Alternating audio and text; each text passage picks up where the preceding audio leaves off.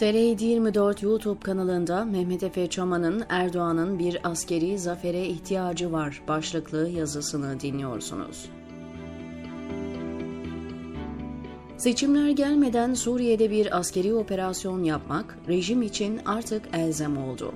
Bu operasyon Erdoğan'a ve ortaklarına acilen gerek duydukları yakıtı sağlar mı emin değilim. Ama denemek dışında başka seçenekleri de yok.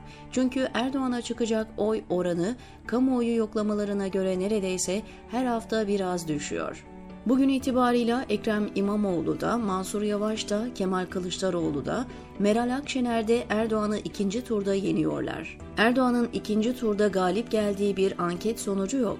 Artık AKP kurmayları ve saray ahalisi de durumun farkındadır. Bir bahaneye ihtiyaçları var. Kaldıraç olarak kullanacakları bir bahaneden bahsediyorum elbette tek bir ata oynamayacaklardır. Bunun için fazlasıyla deneyimliler. İçeride de bir şeyleri karıştıracaklardır. Belki HDP'nin kapatılması gibi ortamı daha da gelecek, Suriye'de yiyecekleri naneleri kolaylaştırabilecek bir girişimde de bulunabilirler. Ama biz Suriye operasyonuna odaklanalım. İki hedefleri olacaktır. Birincisi seçimleri güvenlikleştirmek yoluyla avantaj elde etmek ve puanları yükseltmek. İkincisi ise eğer gereken puan yükselmesi sağlanamıyorsa o zaman seçimleri ertelemek. Cumhurbaşkanının olağanüstü yetenekleri arasında bu var ve Erdoğan bunu kullanmayacak değil. Elbette kullanabilir. Önce Suriye'de operasyona başlarlar, içeriye oldukça yüklü bir askeri kuvvet sokar, bölgeye yerleşirler. Bunun için Rusya'dan ve Suriye rejiminden izin almaları gerekiyor.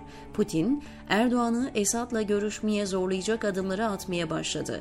Rejimin mümessilleri dış işlerinden propaganda birimlerine kadar bunun zeminini hazırlamaya başladı bile. Bu minvalde İsrail'le karşılıklı büyükelçilerin atanması, konsoloslukların açılması ve normalleşme gerçekleşiyor. Şam yönetimiyle görüşmelere başladılar. Kardeşim Esad moduna girmeleri yakındır. İsrail'e de can bedende oldukça düzelme olmaz diyen bir Erdoğan vardı. Unutmayın, Erdoğan için bu yana döner hamlelerin tümü ilmi siyaset. Dansözlükte ve kıvırmada Erdoğan dönemi Türk dış politikası tam bir köçektir. Mavi Marmara'yı hatırlayın. Rus uçağının düşürülmesi olayını dikkate alın. Libya'da izledikleri tutumu düşünün. Oradan oraya savrulan bir hazan yaprağı gibi ya da dalgaların inisiyatifine kalmış dümeni kırık bir gemi gibi Türkiye zavallı, acınası bir halde bu rejimin inisiyatifine terk edilmiş durumda. Şimdi her zamanki gibi salt kendi menfaatlerini düşünüyorlar. İktidarı kaybetme gibi bir lüksleri olmadığından her yolu deneyeceklerdir. Fakat Suriye'ye müdahale çantada keklik değil tabii. Neden mi? Bakın anlatayım. Suriye'yi karıştırdıkları dönemde her şey nispeten kolaydı. Kendilerini demokrasi havarisi gibi gösterirken kuzu postuna bürünmüş çakal gibi hareket ettiler. Suriye'ye demokrasi götüreceklerdi.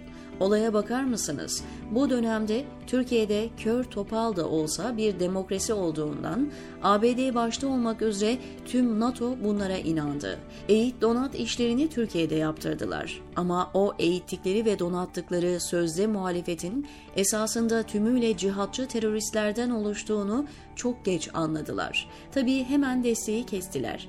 Böylece Özgür Suriye ordusu IŞİD ve El-Kaide ideolojisine inanan militan cihatçılara dönüşürken Suriye'nin sahadaki uzun kolu oluverdi. Türkiye Erdoğan'ın ve avanelerinin Şam Emevi Camii'nde cuma namazı kılma ve halifelik hayalleriyle derin komaya girmiş uyuklarken ülke cihatçıların geçiş güzergahı oldu. Erdoğan ve İslamcıları bu barbarlara bizim çocuklar diye bakmaya devam ediyordu. Bu arada Ruslar sahaya indi ve Esad'ın gerileyişi durdu. Ama o arada İslam Devleti, IŞİD Irak ve Suriye'nin önemli bir bölümünde saha kontrolünü ele geçirdi. Bunu nasıl mı yaptı? Türkiye'nin göz yumması hatta desteğiyle tabii ki. Türkiye Rusya'nın sahaya inmesiyle beraber Şam'ı da Emevi Camii'ni de Cuma namazını falan da unutmuştu zaten. Ankara'daki sülükler baktılar ki ne o Osmanlıcı hayalleri gerçekleşmiyor, her dönemin ötekisi olan kolay hedef Kürtlere yöneldiler daha önce Ankara'da misafir ettikleri Kürtlerin üzerine gidecek hamleler yapmaya başladılar. Her sınır ötesi operasyon Erdoğan ve Avrasyacı müttefiklerine daha fazla avantaj sağlıyordu.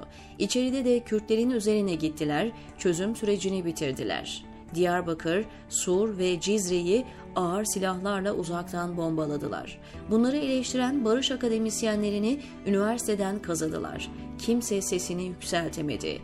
Böylece içeride de dışarıda da Kürtler rejimin kum torbası oldu ve Erdoğan'ın oylarını artırdı, onun rejiminin konsolide olmasına yaradı. Bugün bu taktiğe yine gereksinim duyuyorlar. Hem de eskisinden kat be kat daha fazla. Fakat sorun şu, bugün bu istedikleri kalibrede bir askeri operasyonu yapabilmek için Rusya ve Esad'ın iznine ihtiyaçları var. Rusya bunun karşılığını elbette ki isteyecek. Putin, Erdoğan'ın Esad'la ilişkileri normalleştirmesini istedi, Erdoğan da elbette kabul etti. Çünkü başka şansı yok. Masada eli güçlü değil. Esad'la barışacak yani Çengelik'te daha ileri kademeler göreceğiz. Dahası Esad da kanımca Erdoğan'ın Suriye Kürtlerinin üzerine gitmesini kabul edecek. Neden mi? Çünkü sonuçta onları ölümle tehdit edip sıtmaya razı olmalarını istiyor. Kürtler kendilerine saldıran Türkiye'den korunmak için Esad yönetiminin himayesini ve tabii ki de şartlarını kabul edecek. Hesap bu.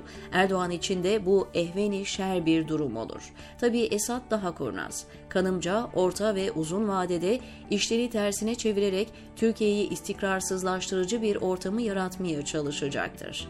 Bunu babasından öğrenmemiş olduğunu düşünemeyiz. Toprak bütünlüğünü sağlayan ve belini doğrultan Suriye'nin ilk yapacağı şey Türkiye'den intikam almak olacaktır. Bunun için en ucuz ve kolay yol Suriye topraklarını tabii Rus koruması, daha doğrusu kalkanı olduğu bir ortamda Kürt militanlara açmaktır.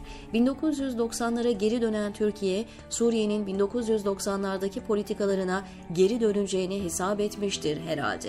Böylece Erdoğan, seçimi kazanmaya yarayan bir avantaj yakalayabilir, HDP'yi kapatacak bahaneleri üretebilir, hatta gerekirse güvenlik bahanesiyle seçimleri erteler ve böylece kaybedeceği seçime girmemiş olur. Bu muhalefet, lafın gelişi, zaten sınır ötesi tüm operasyonlara tezkerede yeşil ışık yaktı. Nasyonalizmde birbirleriyle yarışan partiler tümü de neo ittihatçılıkta birleşiyor bu zafiyeti bilen rejim gereken adımları atacaktır. Putin'in daha makro hedefi ise Atlantik topluluğunu zafiyete uğratmak. Bu iş için Türkiye'nin NATO ile bağlarının daha fazla zayıflatılması lazım. Erdoğan'a finansal ve stratejik destek verirken seçimleri kazanmasını ya da diktatörlüğünü derinleştirebilmesini sağlamayı hedefliyor. Amacı Erdoğan'ı kendine daha fazla bağlamak, Türkiye'yi daha fazla Avrasya güdümüne sokmak ve Avrasyacı Türkiye'yi tümüyle Moskova uydusu haline dönüştürmek. Erdoğan'ın ortakları da bunu biliyor. Erdoğan'ın iktidarı kaybetmemek zorunda olduğunu biliyorlar. Suriye'ye TSK girdikten sonra birkaç yıl Türkiye'nin Vietnam Savaşı'nı sağlayacak ortamı oluşturacaklar. Binlerce asker ölecek. Türkiye ekonomisi savaş yüzünden daha da vahim günler yaşayacak, hatta tümüyle iflas edecek. Ama Ruslar kaz gelecek yerden tavuk esirgemeyecekler, sıcak denizlere ulaşmak ve tarihi misyonlarını tamamlamak için gerekenleri fazlasıyla yapacaklar. Ukrayna Savaşı da, Suriye'deki güçlü konumları da, Türkiye ile geliştirdikleri ticari ve stratejik ilişkilerde bu yolla onların işlerini kolaylaştıracak gibi görünüyor.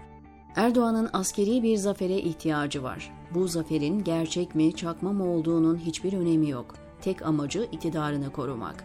Bu uğurda ne Kürtleri katletmekten, ne kendi askerlerini ölüme sürüklemekten, ne de ülkeyi Rusya'ya peşkeş çekmekten geri duracak. Çok kritik bir döneme giriliyor. Bu sürecin sonunda ya Erdoğan rejimi daha da otoriterleşecek ya da tümüyle bir gecede çökecek bir dönemin kapısı aralanacak. Bu dönemde gerçekleşecek sonuç, Türkiye'nin 21. yüzyılda nasıl bir ülke olacağını da belirleyecek, diyor Mehmet Efe Çaman, TR724'deki köşesinde.